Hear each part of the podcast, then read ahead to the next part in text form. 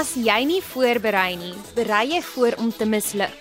Stem jy saam met wat Benjamin Franklin hier gesê het? Die eindeksamen is om die draai en ongelukkig is daar geen kitsoplossing vir die voorbereiding van die graad 12 eksamens nie. Dit is nou die tyd om beheer te neem van jou voorbereiding. En vanaand neem ons beheer van die voorbereiding vir rekenaartoepassingstegnologie of RTT. Goeienaand en welkom by Kompas hier op RSG. Ek is Marley van der Merwe en dis vir my baie lekker om vir die volgende paar minute saam met jou te kuier. Vanaand gesels ek met Luzaan Pieters om ons meer oor die vak rekenaartoepassingstegnologie of RTT in te lig. Luzaan is 'n ervare RTT onderwyser asook RTT vakadviseur in die Oeverberg distrik. Sy deel 'n paar wenke met ons leerders om hulle te help met die voorbereiding vir die finale graad 12 praktiese en teorie eksamens. Luzaan sluit by ons aan via die telefoonlyn. Presteer, leer en blink uit met Kompas. Luzaan, welkom hier op Kompas. Dit is baie lekker om vanaand met jou te gesels en ons matrikulante te help met die rekenaartoepassingstegnologie vraestelle. Goeienaand Marley luisteraars en al die graad 12 leerders. Kom ons gesels eers oor die praktiese eksamen. Verduidelik asseblief vir die leerders waaruit die praktiese vraestel bestaan. Die praktiese vraestel toets die leerders se vaardighede in verskillende Microsoft Office programme. Dit sluit in Microsoft Word, Microsoft Excel, Microsoft Access en dan doen die leerders ook basiese webontwerp. Die vraestel tel 150 punte Jy het omtrent 60 minute om 50 punte te voltooi. Kom ons begin by die woordverwerking. Vraag 1 en vraag 2 is die woordverwerkingsvraag, Microsoft Word, en dit tel so 45 punte in die vraestel. Hier kyk ons na formateringstegnieke en werk wat jy gedoen het van graad 10 tot graad 12 word getoets. In graad 12 het ons met langer dokumente gewerk. Hier het ons geleer van hoe om boekmerke te skep, hiperskakels in te sit, sitate, voetnotas en eindnotas. Ons het ook na die naspeurfoute, die veranderingsspoor, track changes en die skets van elektroniese bronne gekyk. Onthou, al die goedjies wat ek nou net genoem het, het ons tydens die pad gebruik. Jy moet gemaklik wees met die lint, die ribbon in Engels en die instellings wat op die verskillende oortjies gekies kan word, moet jy ken. Baie leerders spandeer te veel tyd om na die verskillende ikone te gaan soek. Hier is 'n paar goedjies wat belangrik is waarna jy moet oplet tydens die voorbereiding vir die eksamen. Style. Dit is belangrik dat jy die opskrifte kan verander of formateer sodat 'n outomatiese inhoudopgawe geskep kan word. Jy moet style kan skep, maar ook bestaande style kan verander en toepas. Dit moet jy doodseker maak dat jy wel weet hoe om dit kan verander. Dan het ons ook prentjies gedoen Hier toets hulle die invoer van prentjies in grafika in die woordverwerkingsdokument. Wat jy kan instel is die groepering van prentjie, die hoogte en wyte van die prentjie, die rondskyf van die prentjie en Engels praat ons van die wrapping. Nou moet jy ook seker maak jy weet hoe om 'n watermerk in te sit en te verander. Laastens kan jy gaan kyk na byskrifte op prentjies, die captions wat ons gedoen het. Dan kyk ons ook na paragrawe Jy sal die volgende moet kan doen: inkeping, paragraafspasiering, reelspasiering en karakterspasiering. Basiese instellings wat ons gebruik om witspasie in ons dokumente te skep. En onthou, dit gaan help om die leesbaarheid van ons dokumente te verhoog. Verder het ons in graad 12 geleer van paragraafinstellings en dan kan jy terugspring graad 10 toe en 'n bietjie gaan nasien oor jou lyste, jou bullets soos wat ons dit in Engels noem, die mooi Afrikaanse skolpunte. Vir die graad 12 moet jy gaan kyk na die veelvlakkige nummering, die multi-level list wat gevra gaan word. Dan het ons die references oortjie, die verwysings. Hierdie is seker die belangrikste oortjie op jou lint. Hier kry ons die dokumentinstellings wat ons gebruik wanneer ons met 'n formele verslag werk.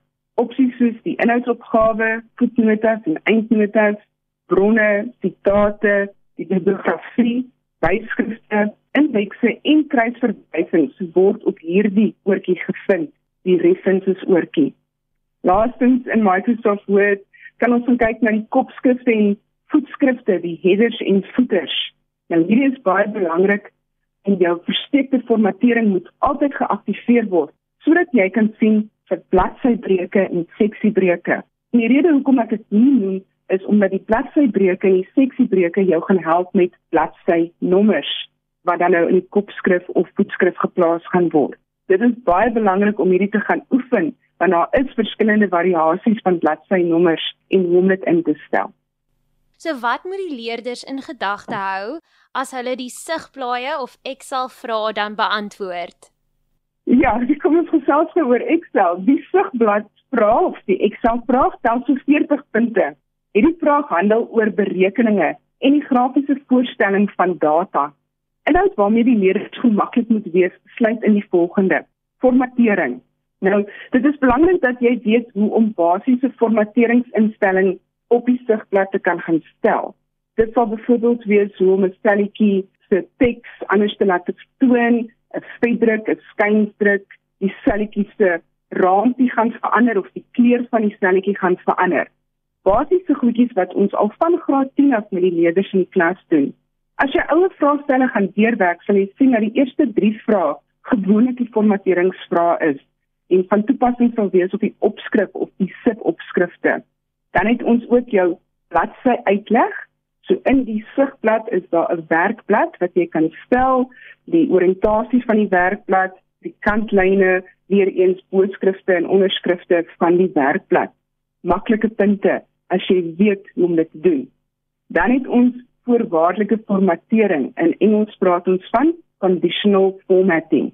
Dit word gereeld gevra. Dit is 'n instelling op die sigblad waar die formaat basies die manier hoe die sel vertoon sal verander afhangende van 'n kriteria, 'n voorwaarde wat gestel is. Maak seker jy kan die meer ingewikkelde kriteria stel, soos byvoorbeeld wanneer ons moet gebruik maak van ikone, soos die drie vlaggies ikoonstelsel, of waar een sel se waarde teen 'n ander sel getoets moet word. Dan het ons ons grafieke in Excel. Dit word altyd gevra. Dit kan van jou verwag word om 'n grafiek te skep Maar omdat tyd 'n faktor is, word die grafiek die afgelope paar jaar gegee. Jy moet dit net formateer. 'n Skermskoot van hoe die grafiek moet lyk nadat jy dit geredigeer het, word ook in die vraestel gegee. Maak seker dat jy weet hoe om die grafiek te verander, om die asse te benoem, die byskrifte of legends by te voeg. En dan Excel se groot uitdaging is daai formules en funksies. In graad 12 het ons die teksfunksies geleer soos left en right, mid en len. Dit saam met die concatenate gevra word in die saamvoegfunksie, dis baie verskriklike concatenate woord, kan ook find en random gebruik word. Dit is belangrik dat jy sal oefen om die boublokke te gebruik wat vir jou beskikbaar gestel word. Vra jou onderwyser om dit weer aan jou te verduidelik as jy nog nie daarmee vertroud is nie. Dan het ons ook die if-funksie en die geneste if-funksie. Dit gaan beslis gevra word 'n kombinasie tussen and en die if-funksie kan ook gevra word om sekere uitkomste te gee. Laastens kan jy die opkykfunksie VLOOKUP of HLOOKUP verwag. Jy sal goed doen as jy jou funksies gaan leer.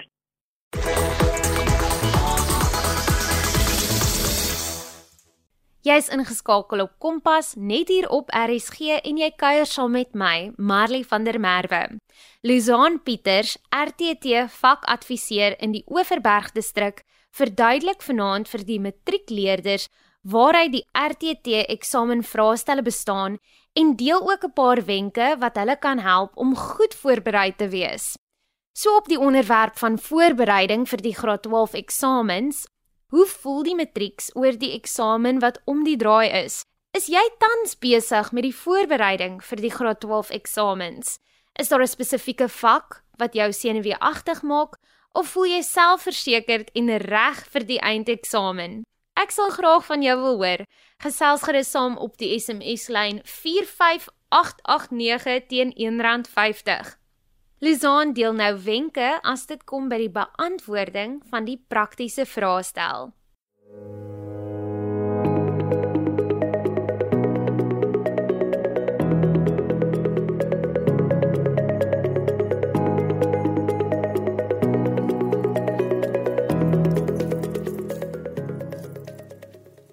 Het jy enige wenke vir die leerders as dit kom by die beantwoording van die database vrae? Die database stel ongeveer 35 punte. Leerders kom gewoonlik nie by hierdie vraag uit nie of hulle beantwoord die vraag eenvoudig nie. Selfs in hierdie pakket is daar maklike punte. Die eerste vraag by vraag 5 is die mees basiese vraag wat gevra word en dit gaan oor die tabel. Hier vra hulle algemene formatering. Dit sluit dan nou in hoe om die veldgrootte te verander, die valideringsreël en teks wat jy kan insit, hoe om 'n toevoermasker te skep, kombinasielys te stel en verstekwaardes te stel. Maak gebruik van die toevoermaskerblad wat gegee word in die vraestel. Hierdie instellings is iets wat jy kan gaan leer en toepas op jou tabel. Daarna volg die vorm. Dit tel gewoonlik so 5 punte. Die vorm kom ook in 'n skermskoot voor meeste van die tyd. So jy sal sien hoe, hoe die finale produk lyk. Kontroles moet ingevoer word en jy kan rame om groepe velde sit, die agtergrondkleur stel van die vorm en normale formateringsinstelling stel op die teks in die vorm. Dan het ons ook knoppie kontroles op die control button wat ingevoeg kan word om 'n sekere funksie uit te voer. Dan volg die navraag. Queries noem ons dit in Engels. Daar word gewoonlik tussen 2 en 3 navrae gevra. Omdat daar soms in die navraag funksie gevra word of daar word 'n kondisie gestel, doen die leerders nie die vraag nie. My advies sal wees om die sin mooi deur te lees en die kriteria wat gestel word vir jouself op jou vraestel eers uit te skryf. Jy gaan gebruik maak van die operatore groter as, kleiner as of gelyk aan. Nadat jy dit neergeskryf het, dan gaan kyk jy op jou skerm by watse veld sien jy die kriteria se antwoord. Gaan dan nou na die design view toe en maak seker jy sit die kriteria in die regte veldkolom. En voer jou navraag uit. Baie keer is daar iets eenvoudigs soos 'n sorteer of 'n veld wat nie vertoon nie wat jy kan instel en 'n punt daarvoor kry. As daar gevra word om 'n navraag te skep, word sekere velde vereis, dan kan jy ook maklik punte kry. Laastens by databases is die verslag. Hier kan ons ook 'n skermskoot verwag.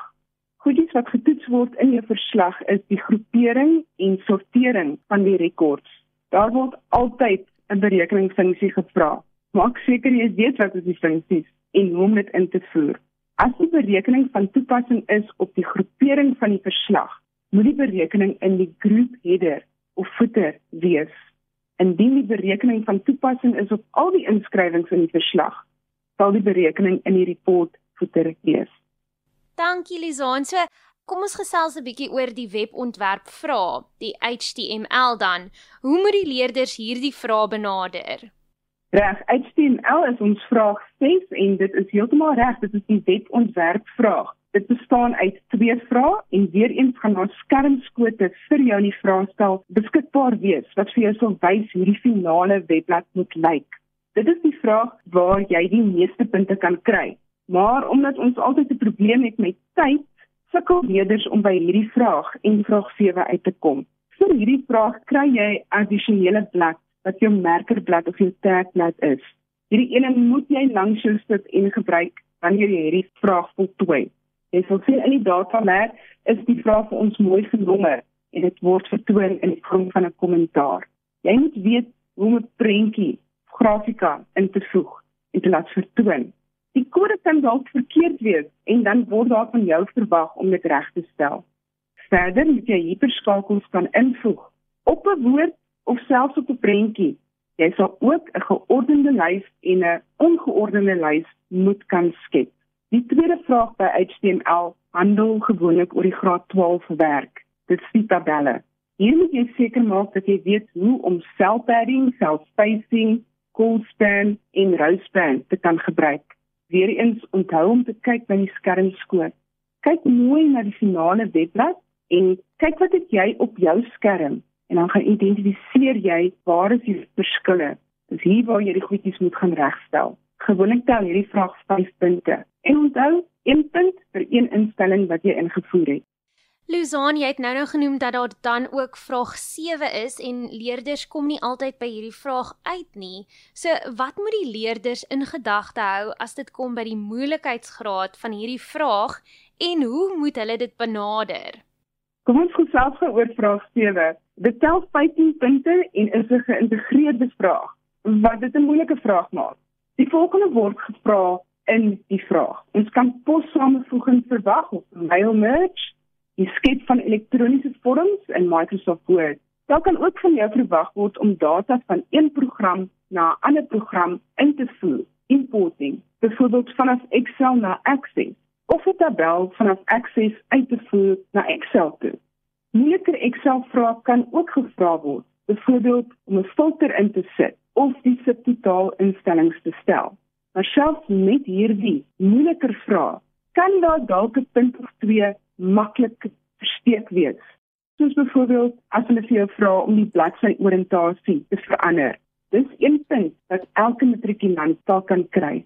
Wat is die moets en moenies wat jy met die leerders kan deel as dit kom by die voorbereiding en die beantwoording van die praktiese vraestel? Woordverwerking is wel vraag 1 en 2, maar dis nie nodig dat jy met dit hoef te begin nie. Inteendeel, dink daaroor om met HTML te begin Dit is 'n makliker vraag en dit is 'n goeie manier om jou vraestel af te skop mee. Dan kan jy aangaan na vraag 6 toe.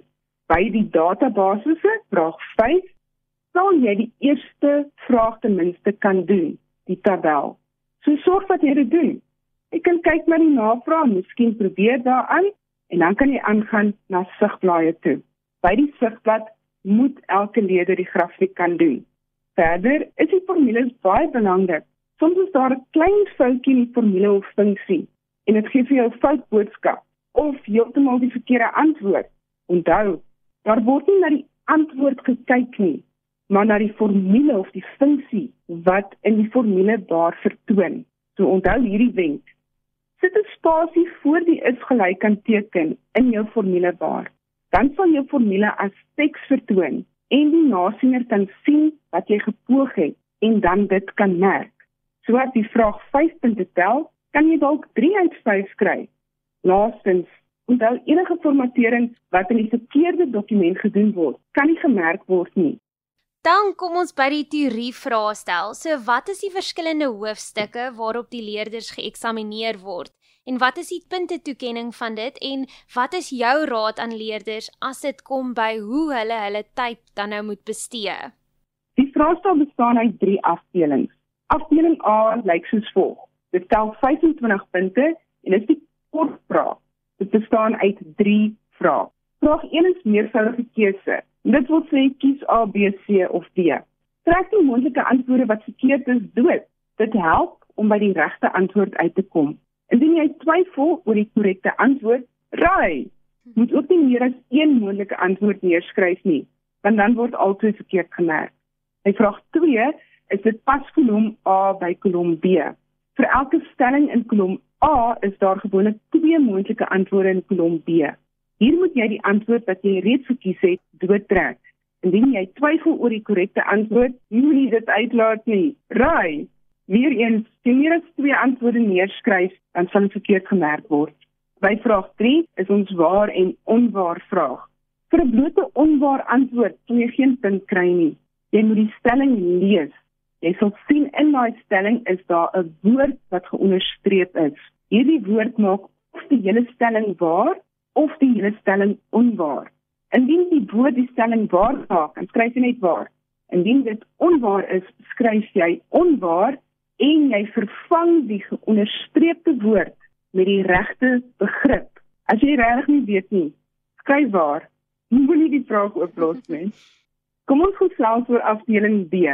Hierdie afdeling bestaan uit 5 vrae en tel 75 punte. Vraag 4 is ons stelsel tegnologie. Vrae wat verband hou met die inhoud, konsepte en vaardighede in die harde ware en sagte ware word gevra. Dit word gewoonlik in 'n scenario vir ons gegee om 'n probleem op te los. Byvoorbeeld, hoe kan ek die probleem oplos as die drukker nie wil druk nie? Alhoewel daar papier in is en krag is aan. Vraag 5 het ons internet en netwerktegnologie. Vra oor die internet, die wêreldwye web en e-kommunikasie, sowel as netwerktegnologie word in scenario's en probleme vir ons gevra. Byvoorbeeld, jy kan nie aan die rekenaar netwerk in jou klaskamer koppel nie. Stel maniere voor om die probleem op te los. Vraag 6. Dis inligtingbestuur. Die vraag handel oor die teorie komponent van die PAT en wat ons al tydens ons 3 jaar by RTT in die PAT gedoen het. 'n Voorbeeld sou wees verskaf 'n rede hoekom jy 'n sirkelgrafiek sal gebruik om data voor te stel. Vraag 7 is die sosiale implikasies. Hier handel die vraag oor die impak van IKT op ons samelewing, gesondheid, sosiale lewe, die wetlike aspekte, die etiese aspekte, sekuriteit en omgewingskwessies.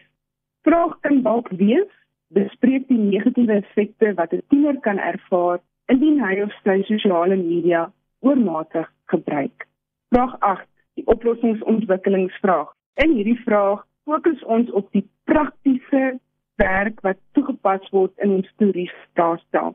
'n Voorbeeld sal wees watter sigplatfunksie kan jy gebruik om die aantal leerders wat in 'n sigplat gelys is te bepaal of hulle kan dalk vra om 'n HTML-kode wat foutieflik gegee is reg te stel.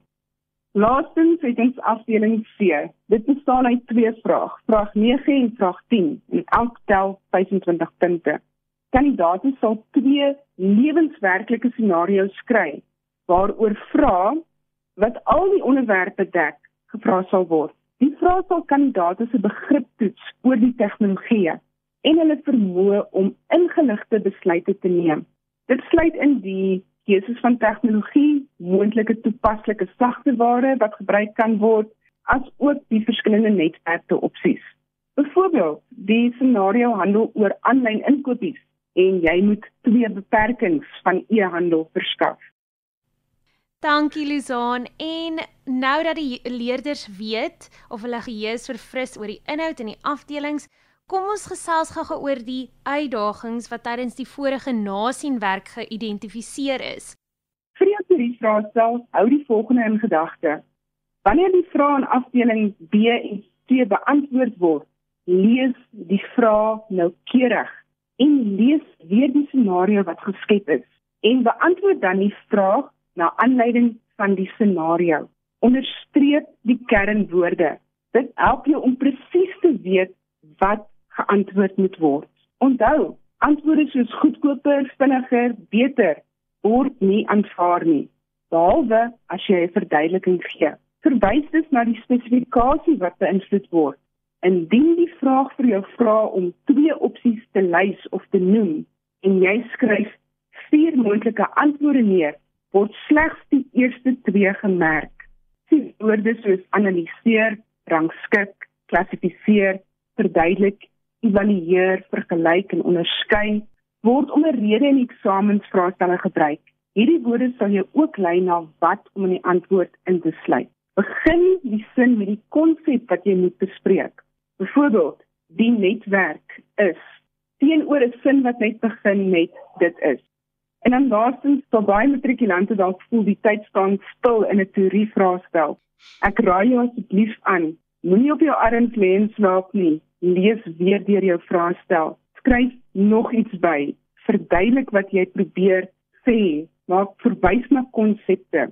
Skryf volsinne. Dit is die belangrikste ding wat ek vir julle kan sê. Lizaan dan ten slotte, watter algemene raad, wenke of gedagtes wil jy met die matrikulante los? Onthou om asem te haal. Voordat jy lees, haal diep asem. Dan identifiseer die kern van die vraag. Laat jouself lei deur die aantal punte wat die vraag tel. As jy twee punte tel, van jy twee feite moet noem of twee aksies moet uitvoer.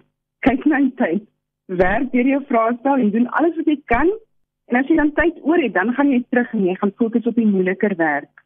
Nou jy berei al 3 jaar voor vir hierdie eksamen. So jy het klaar daai kennis van graad 10 en graad 11. Bou op dit. Jy het so ver gekom, matrikulant. Vertrou in jouself en jou vermoë. En soos die Engelsman altyd sê, you've got this. Baie sterkte met die eksamen.